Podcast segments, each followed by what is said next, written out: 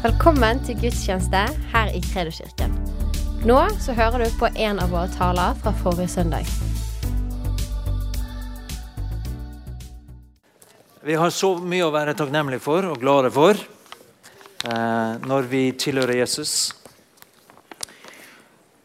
Så det er ufattelig viktig at vi fokuserer på alt det positive, alt det gode som Gud har gjort for oss, og det som Han gjør for oss, i oss og gjennom oss og iblant oss. Og det er også sånn det at Veldig ofte så er det i vanskelige tider, krisetider, at en også får oppleve Guds fantastiske godhet og barmhjertighet og nåde i våre liv. Når alt går på skinner og alt er lett og enkelt, så er det ikke så ofte, så det, ofte det vi nesten glemmer det å være takknemlig. Men når det da butter litt imot, og vi må fighte litt, når vi da opplever hvordan Gud hjelper oss Wow! Han lever. Amen. Han er reell, han er virkelig Dette er ingen teori vi holder på med. Det er en levende Gud vi har med å gjøre. Fantastisk. Ja. Sist søndag så hadde vi jeg tror det var åtte vitnesbyrd vi fikk høre. Fantastiske historier om hva Gud har gjort, og hva han gjør midt i denne menigheten. Og det var representert barn, ungdommer, middelaldrende og eldre mennesker i menigheten som alle delte sin historie. Fantastisk å høre hva Gud har gjort. Og I dag så kommer vi til å bruke litt tid på undervisning, men det er en forlengelse av det vi fikk demonstrert sist søndag. Hva Gud har kalt oss til. Hva Gud tenker om oss. Hva Gud vil. Og Da er det om å gjøre at jeg og du får på en måte et bibelsk perspektiv på hvordan Gud tenker, hvordan Gud handler og hvordan Gud agerer. Jeg håper at du skal virkelig få med deg noen ting her i dag som, som kan være med å styrke livet ditt, så du kan bygge livet ditt på. Eh, og som er med å øke på en måte forståelsen og meningen med hva vi holder på med, og hvorfor du er her. Og Jeg vil også oppfordre deg til å ha to tanker i hodet når du hører på dette. Tenk på at dette gjelder meg personlig, min familie. Så skal du tenke på at dette gjelder også min menighetsfamilie. Klarer du det? To tanker på en gang. Vi menn klarer jo ikke det, men vi må skifte mellom to tanker. ikke sant? Frem og tilbake. Dere kvinner har en fantastisk evne til å tenke flere ting samtidig. Amen. Hæ? Hva du sier du, Kurt? Ja, ja.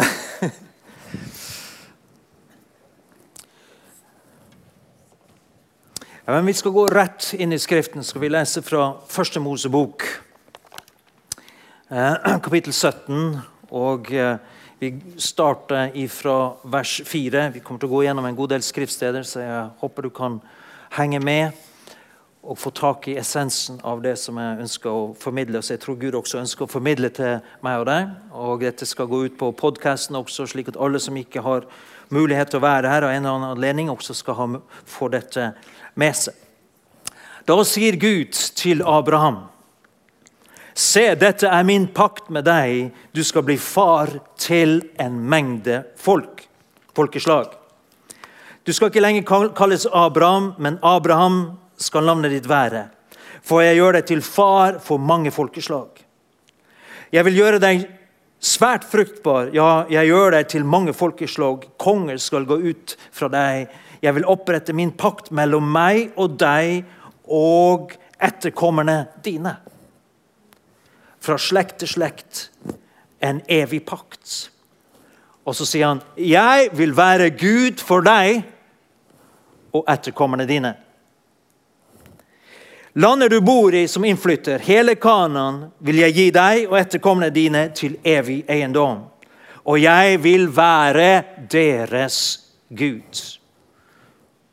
Etterpå så snakka han om omskjærelse. Han fikk befaling om at alle gutter i hans på en måte Både de biologiske, men alle tjenerne. Alle gutter og menn skulle omskjæres som et paktstegn. Det ble, satt, det ble satt på mannen et paktstegn som skulle følge alle menn gjennom alle generasjoner i alle Abrahams etter, eh, etterkommere. Skulle de være merka med paktstegnet, omskjærelsen. For at ingen skulle glemme hvilke løfter Gud hadde gitt til Abraham. Sara fikk også en hilsen i denne momenten. Vers 14, 16 så står det Gud sa til Abraham din kone Sarai skal du ikke lenger kalle, kalle Sarai. Sara skal hun hete. Jeg vil velsigne henne og gi deg en sønn med henne også. Jeg vil velsigne henne, og hun skal bli til folkeslag. Konger over mange folk skal komme fra henne.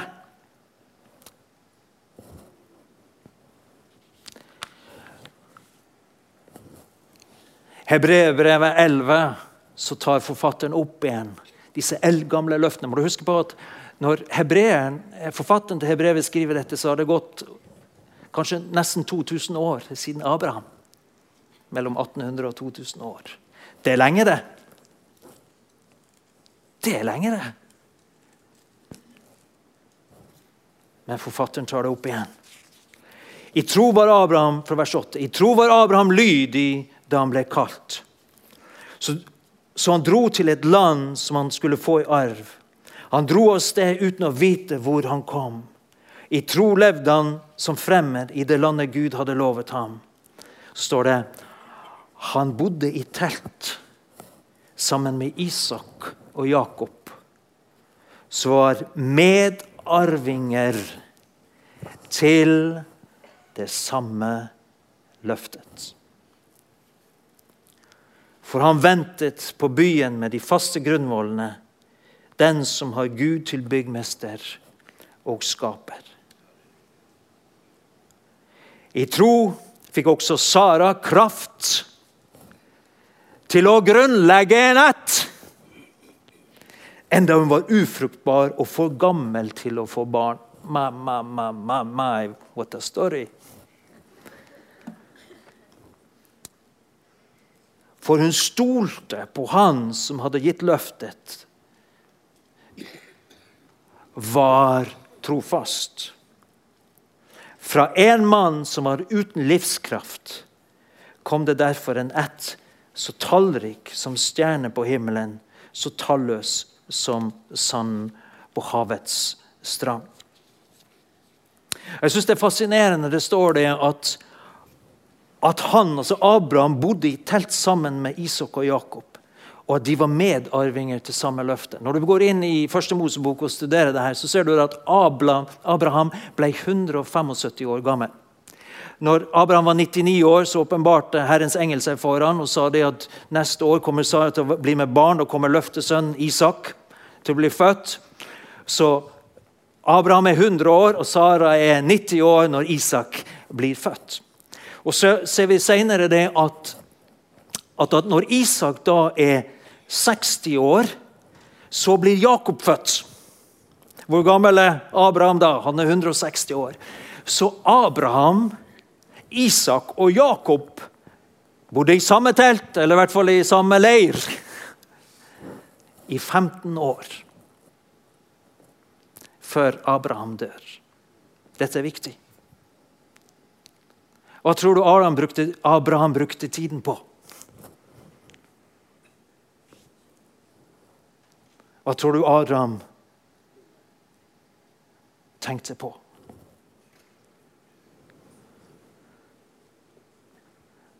Han så Jakob løpe rundt i teltet med bleiene på. Han var ikke så glad i de der bæsjbleiene, men han skjønte at dette er viktig. Den tiden jeg har nå, er veldig viktig. Jakob, sønn av min sønn, skal bære løftene videre. De løftene som Gud åpenbarte til meg. Når jeg ropte til min Gud i himmelen og var kommet til et fremmed land hvor ingen kjente meg. Jeg kjente det, opplevde det var fiender rundt meg. Det var et lovet land, men jeg var som en fremmed i landet. Og jeg kjempa min kamp på natten når jeg så opp på himmelstjernene og mintes hva Gud hadde lovt meg. Men det var umulig. Det kunne ikke gå i oppfyllelse. For verken jeg eller Sara var i stand til å få barn. Så gamle var vi.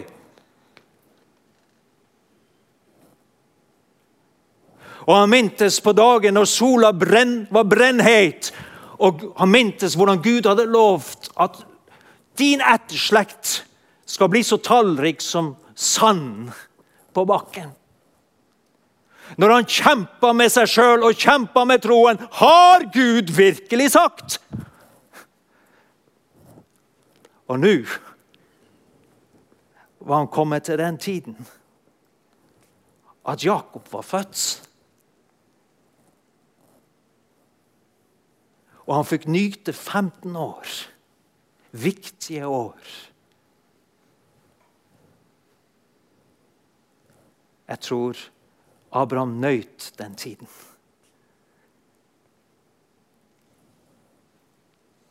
Hva legger jeg inn i denne gutten? Hva formidler jeg til denne gutten?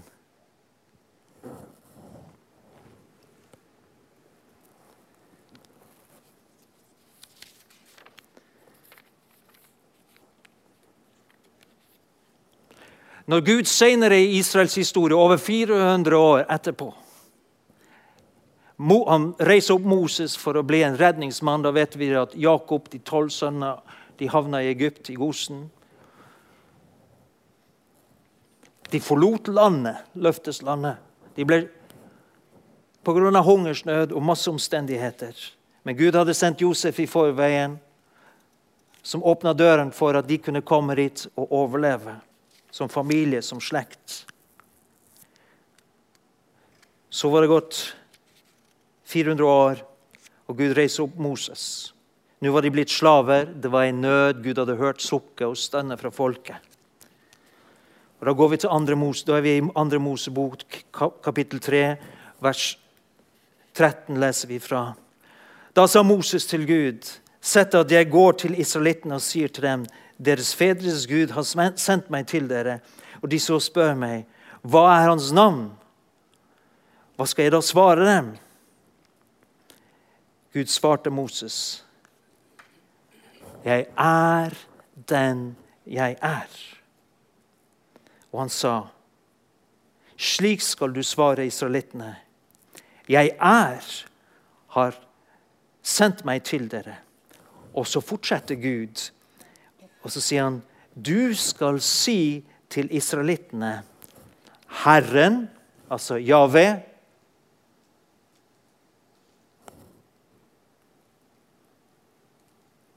JHVH, eller YHVH, fedrenes Gud, Abrahams Gud, Isaks Gud og Jakobs Gud, har sendt meg til dere. Dette er mitt navn til evig tid. Dette skal jeg kalles fra slekt til slekt. Legg merke til Gud sier til Moses navnet sitt. Ikke bare Han sier 'Jeg er den jeg er', og så sier han 'Mitt navn er Abrahams, Isak og Jakobs Gud'. Det er navnet til Gud. Han snakker om en gen tre generasjoners Gud. Så sier han det er navnet mitt. Til evighet skal det være Abraham, Isak og Jakobs Gud.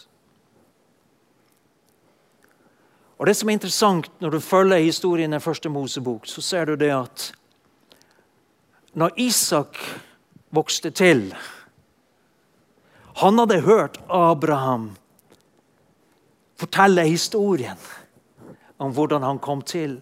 Hvordan pappaen hadde kjempa med troen, kjempa med Gud, kjempa med omstendighetene, kjempa med hungersnød, kjempa med å overleve i landet. Han hadde hørt historien om hvordan Gud berga dem og tok dem igjennom. Og så hadde han hørt løftene som Gud hadde gitt. At Hel, alle jordens slekter eller familier skal bli velsigna gjennom deg, Isak.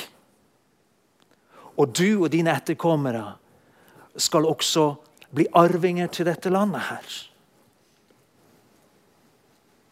Den har han helt sikkert fortalt om og om igjen til Isak. For at han, Sønnen, du må ikke glemme dette her. Hvorfor vi er her. Jeg kom helt ifra Uri Kaldea. Jeg kom ut av avgudsdyrkelse. Vi tilba måner og stjerner. Kjære Isak.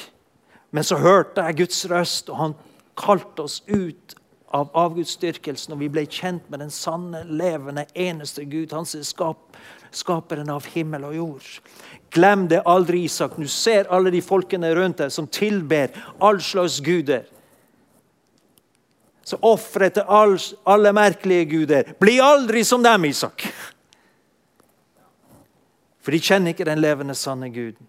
Men har et, har, jeg har fått et løfte, og det løftet gjelder deg, Isak. For Gud sa til meg og din slekt, dine etterkommere, gjelder disse løftene. Så ikke glem det, Isak. Jeg er sikker på at han gjentok det igjen og igjen og igjen. Men så ser du også Vi har ikke tid til å gå inn på det nå, men det kommer øyeblikk i Isaks sitt liv der Gud personlig åpenbarer seg for ham, og så gjentar han løftene til Isak. Når Isak er klar for det, når han er moden for det, så sier han det Du skal få landet, og det skal komme folk slag ut av din nett.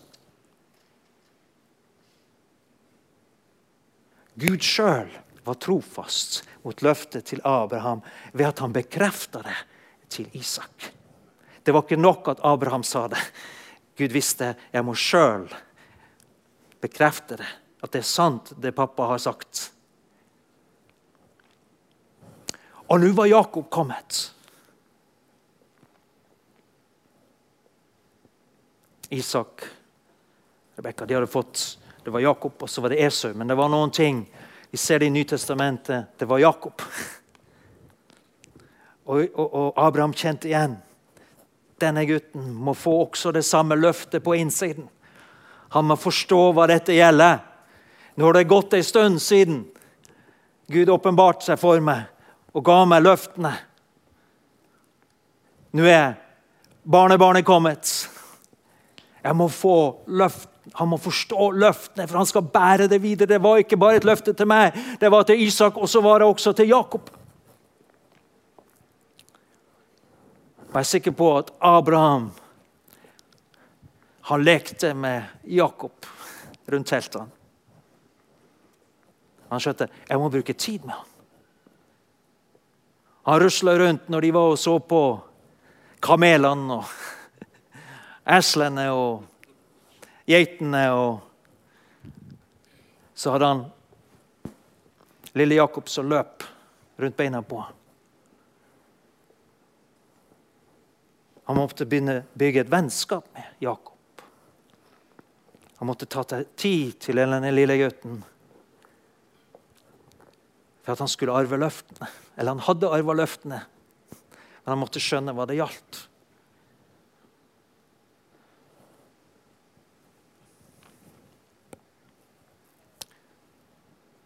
Og så kommer tiden hvor Jakob må dra Abraham dør etter når Jakob er 15 år.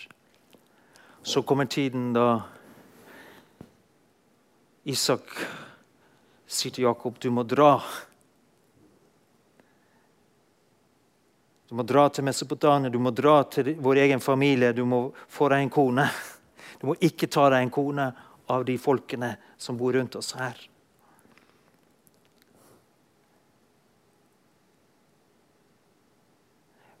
Men du må dra til din mors bror og finne deg en kone.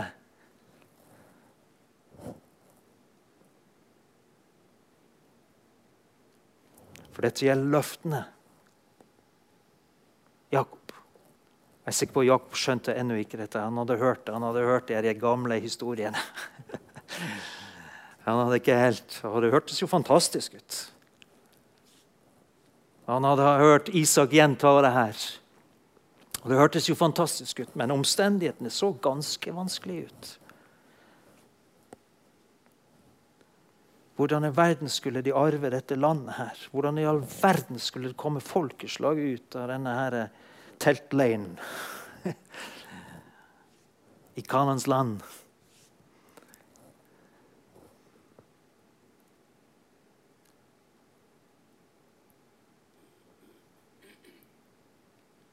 Men når da Jakob er på vei, hva skjer da? Da åpenbarer Gud seg personlig for Jakob. Og så sier han, gjentar han løftene som han hadde gitt til Abraham. Dette, Jakob, er hva ditt liv handler om. Dette er hva du skal bygge ditt liv på.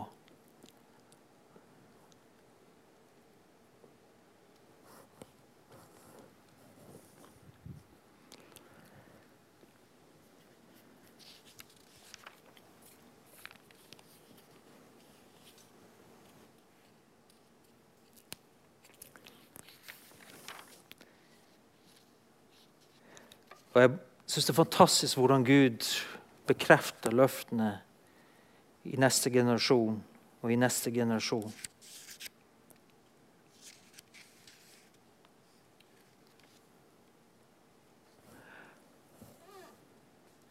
Og jeg er overbevist om, jeg vet, at Gud har gitt løfter til deg og din familie Kanskje du er første generasjon som er kommet til tro på Jesus i din slekt. Jeg garanterer deg, det fins noen ord fra den levende Guden som gjelder deg og ditt hus og din familie. Som skal følge deg, som skal følge dine barn, som skal følge dine barnebarn, som blir noe som gjelder deg og ditt hus. Men det er det samme også for oss som menighet, også åndelige familien. Det er gitt noen løfter. Det er noen genuine løfter som Nå snakker jeg ikke om bare generelle løfter som vi finner i Bibelen, som gjelder alle troende i Kristus Jesus. Alle Guds løfter har fått sitt ja i Kristus Jesus. Men det fins løfter som er gitt til denne familien, til dette huset. Som har bærekraft i seg. Som har berga livet på oss. Jeg kommer tilbake igjen til det. Vi har med en levende Gud å gjøre, og han tenker ikke bare deg individuelt.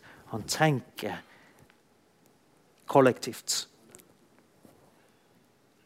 Han tenker menighetsslekten. Han tenker menighetsgenerasjonene. Fra de minste, fra de i mors mage, fra de, fra de som ennå ikke er født, inn i våre slekter, inn i våre familier. Til vi som sitter her i dag, pluss en del som har gått foran oss. Det har vært mange mennesker som har vært investert sine bønner, sitt liv, sine ressurser inn i denne menigheten. Vi blir 30 år nå, er det ikke så? Som er gått hjem til himmelen.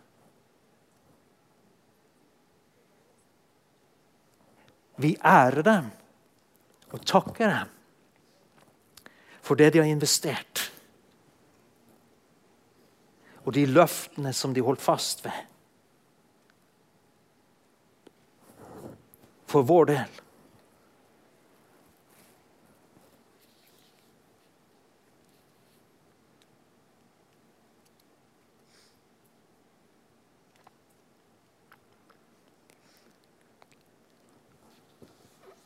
Og så vil jeg si noe til oss menn.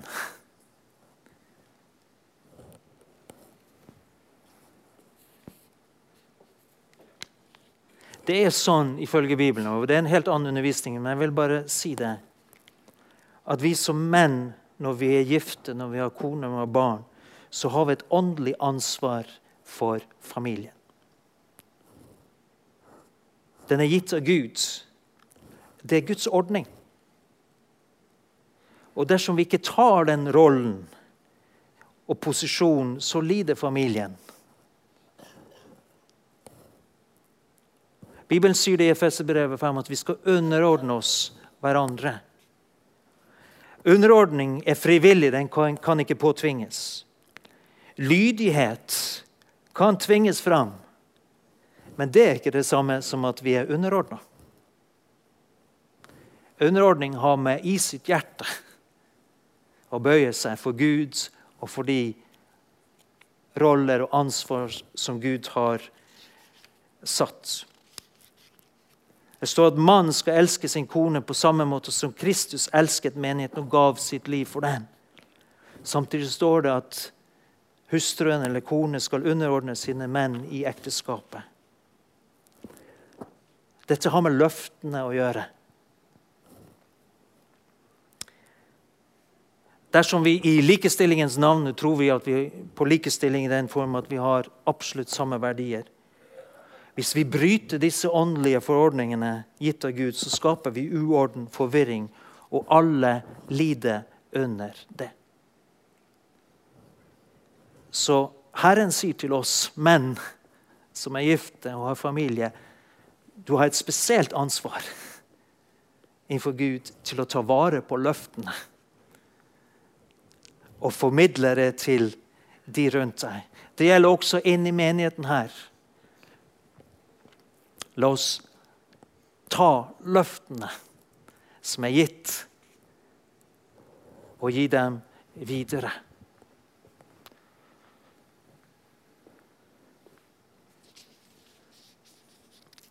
Hva med den som lever alene, da? Eller den som ikke har noen foreldre som har formidla trosarven?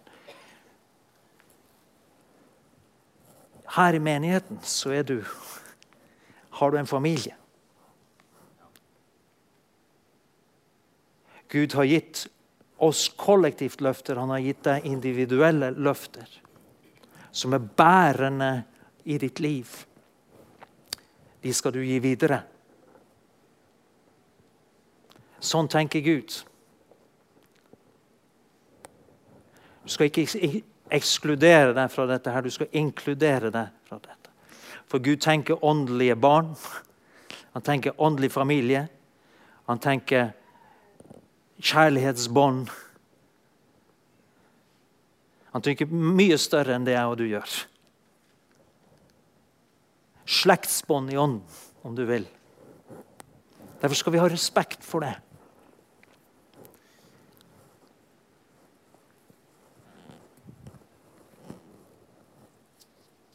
Og Gud gir deg personlige løfter, som jeg sa.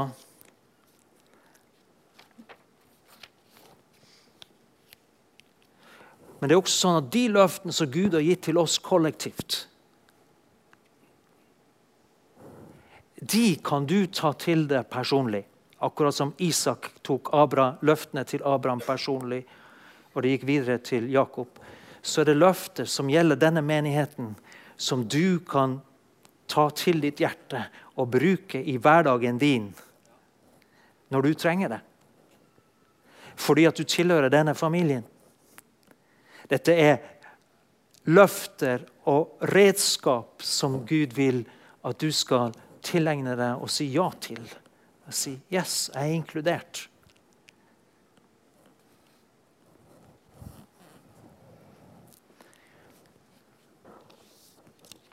Jeg skal gi deg et konkret eksempel. Bare noen få sånne eksempel som jeg kan gi her. Eh, flere anledninger når vi som menighet har vært i vanskeligheter, eller vi har ønska forandringer uten at vi helt har klart å gjennomføre det, så har det vært et ord som har gitt oss trøst og styrke og pågangsmot. Det står i Zakaria 4,6 står det Ikke ved makt, ikke med kraft, men ved min ånd, sier herskarenes herre. Så når vi ikke har visst hva vi skulle gjøre, så har vi bare måttet igjen og igjen gå tilbake til Gud. Gud, jeg vet det, det, Dette her er ikke bare sånn plutselig et ord som liksom vi syns var kjekt og gøy. Og, nei, det er gjennom profeter, Guds profeter, gjennom personlige tiltaler. Det har kommet fra mange forskjellige hold. Så vi visste dette er Nå snakker om vi som ledere her. Dette er et ord ifra Gud, og det gjelder oss alle sammen. Ikke ved makt, ikke med kraft, men med min ånd. Når vi da har bøyd oss, ydmyket oss for Gud og sagt dette får vi ikke til Jeg vet ikke hvordan det skal gå til, men ikke ved makt. Vi kommer ikke til å prøve å få det til engang, for vi får det ikke til. og ikke ved kraft, ikke ved menneskelig liksom, anstrengelse. Men Herre, det må skje ved din ånd. Du, Herre, må snakke til oss. Du må forvandle hjertene våre. Du må samle folket. Du må helbrede folket. Du må holde folket sammen.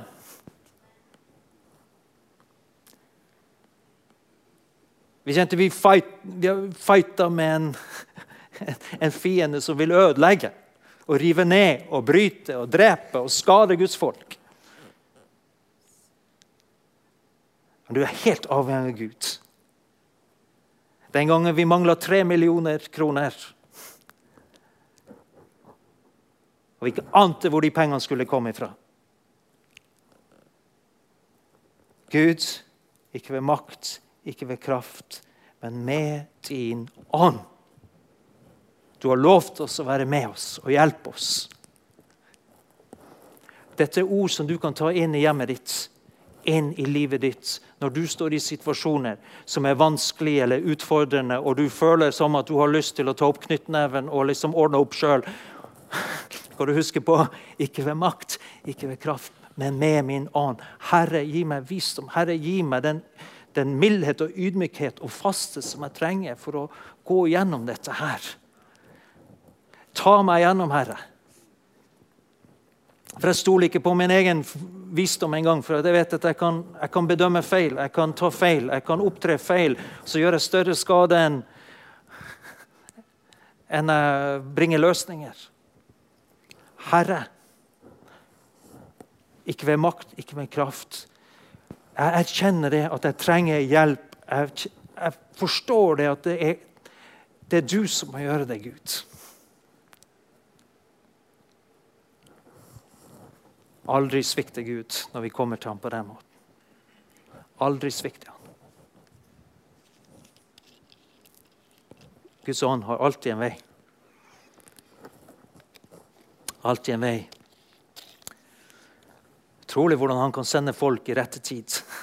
Til og med mennesker du aldri visste om, men de kommer i rette tid og tar den der lille justeringen eller tar den byrden eller løftet, og så kommer man seg igjennom og videre. Så det er ikke snakk om å være lat eller ikke ta ansvar eller ikke forsøke å endre på ting som bør bli bedre. Men det er en erkjennelse av at vi er totalt avhengig av Gud. Det er bare han som kan bygge menigheten. Vi kan drive klubb og forening, men det blir ikke så mye evighetsverdier ut av det. Det er Vi skal så, vi skal vanne, men Gud må gi vekst. Og vekst kommer når, når jeg og du sår Hans ord sår hans løfter, når vi vanner de løftene, når vi oppmuntrer hverandre med de løftene. Av et oppriktig kjærlighet og barmhjertighet. Når hjertet vårt strekker seg ut til hverandre, så skjer det noen ting. Når vi involverer oss i hverandre på virkelig, ikke bare med en, en klapp på skulderen. Noen ganger er det det som skal til, men andre ganger så er det OK, søster, nå ber vi sammen. Nu, hva, hva, skal vi gjøre praktisk? ok? Hva, hva, skal til for at dette løser seg? Ikke sant? Og Noen ganger må vi gå en, en vei sammen med noen for å komme videre.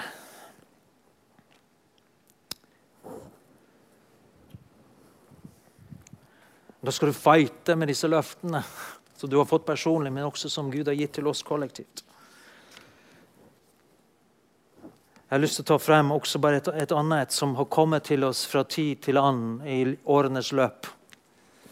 Eh, hadde vi det bak Haggai, det siste der.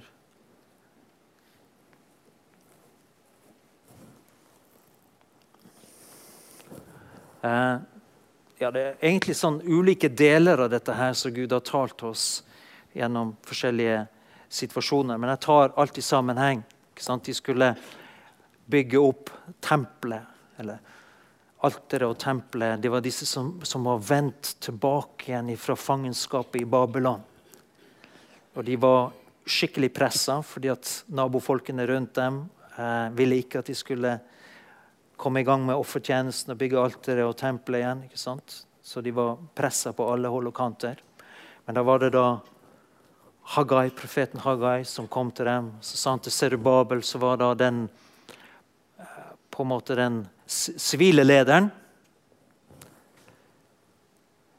Og så sa han til han, 'Vær sterk', sier Herren.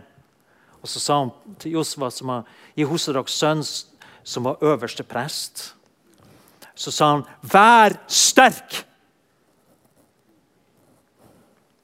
Og så sa han til folket i landet, 'Vær sterke',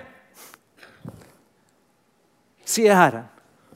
Og så fikk de beskjed om gå i gang med arbeidet, for jeg er med dere.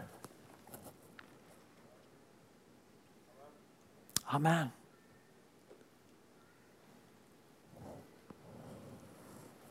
Vet du at Gud er med oss? Han er, han er fantastisk med oss.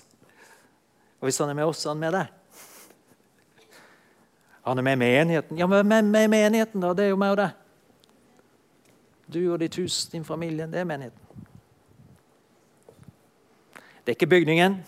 Det er ikke organisasjonen Kredokirken. Det er folket. Han er med oss. Alle dager.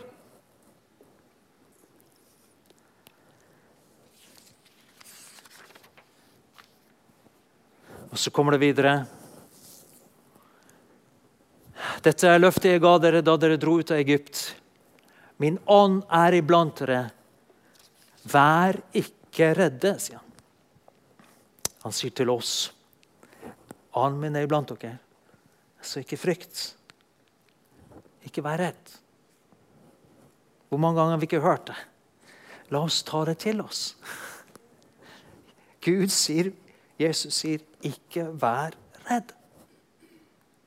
Ja, men jeg, kjemper med frykt. Helt i orden. Jeg kjenner det. Si det sånn som det er.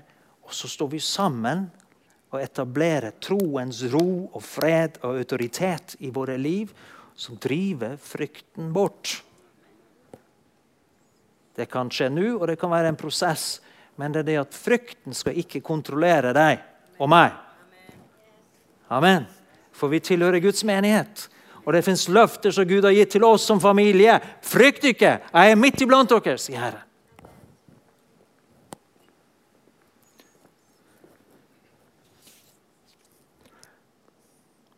Så sier han videre her, for så sier Herren over hærskarene, enda en gang, om kort tid, rister jeg himmelen og jorden, hav og det tørre land. Jeg rister alle folkeslag, så skattene deres kommer hit. Jeg fyller dette huset med herlighet. Gud fyller dette huset, våre liv, med sin egen herlighet. Så sier han, 'Mitt er sølvet, mitt er gullet', sier Herren, over hærskarene. Og det, det sier han fordi at vi ikke skal frykte for hva vi skal spise og hva vi skal drikke. Hvordan skal vi klare det økonomisk? Nei, han sier gullet og sølvet tilhører meg. Spør meg om det du trenger. Gi, og du skal få. Tro meg, skal jeg forsørge deg. Det sier han til oss som menighet, og det sier han til deg personlig. Gullet og sølvet tilhører meg. Og jeg vet at Gud vil og har sagt at vi som menighet skal ha mer enn nok til alt godt verk. Vi skal hjelpe de fattige, og vi skal være en ressurs for andre menigheter og hjelpe dem økonomisk. Så vi skal nå de fattige rundt omkring i verden, og vi skal også være til velsignelse for Kristi kropp. I Norges land og i Europa, eller hvor han måtte lede oss. Og vi har begynt, begynt å se litt av det i større skala enn vi har sett før. For Gud har vært god mot oss.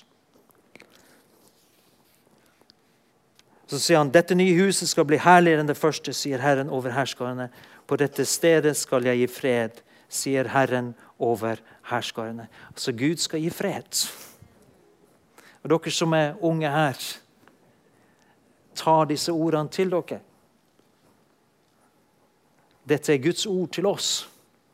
Dette er ord som vi har fighta med. Og Gud har vunnet seier. Dette er ord som gjelder dere. Dette er en arv som dere skal få ta personlig. Vær ikke redd. Vær sterk. Jeg er med dere. Og dette nye huset skal bli herligere enn det første. Hva nå det innebærer, vet ikke jeg. Men det som er helt sikkert, det er at Gud har gode planer.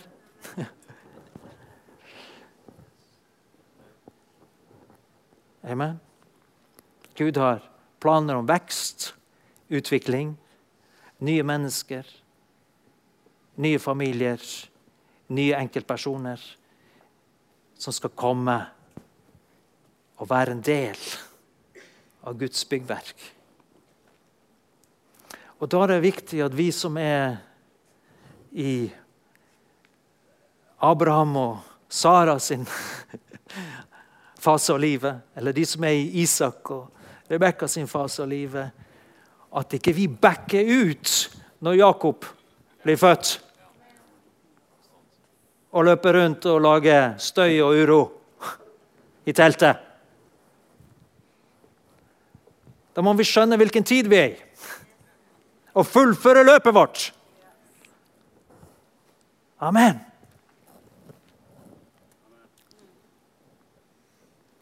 Og Da må Isak han må ære og erkjenne og takke sin far Abraham. Og så må han ta ansvar.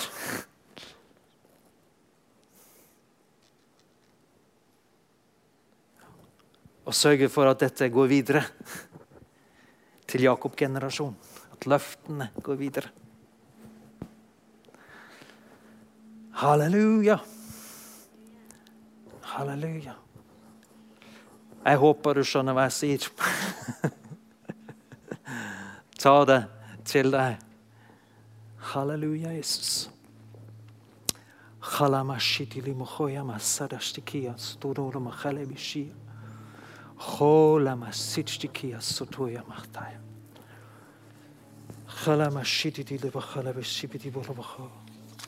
Himmelske Far, jeg bare takker og priser deg. Å, min Gud, min Gud, min Gud. Min Gud, min Gud. Far i himmelen. Jeg takker deg, Herre. Herre, vi erkjenner det. At det bør bare være i ånd. Ikke ved vår egen makt eller anstrengelse eller kraft. Men vi tror, Herre, at din herlighet din skal åpenbares både i, i, kraft, men også i forvandlede menneskers liv. Herre. Jeg tror at du skal frelse. Du skal legge til mange inn i din menighet, inn i ditt Guds, i ditt, blant ditt folk, Herre. Du ser Herre, hvordan det er i denne verden, Herre. Du ser den krisen som er. Du ser den nøden som er i menneskers liv, Herre. Men vi vil ikke frykte, Herre. Men vi vil være sterke i denne tid og stole på deg. Bare stole på deg, Herre. Halleluja. For så ber jeg om at du skal bekrefte i hver enkelt sitt hjerte, Herre, at løftene gjelder dem. Herre, vi, far, jeg ber Herre, om at denne herre utenforfølelsen Herre, den skal brytes i Jesu Kristi navn, Herre. Dette som som prøver å fange folket vårt og samfunnet vårt, og som også prøver å påvirke din menighet, Herre, i Jesu Kristi navn. Vi bare, jeg ber deg å stoppe det i Jesu Kristi navn. Denne, denne mangelen på å føle at den ikke tilhører, at det ikke er en del av. I Jesu Kristi navn. Stopp! Og jeg skal si deg en ting, at Disse løftene som Gud har gitt, de gjelder også de som ikke tilsynelatende følger Jesus i dag, men som tilhører oss. Så tilhører det. Gud har ikke tatt bort noen løfter.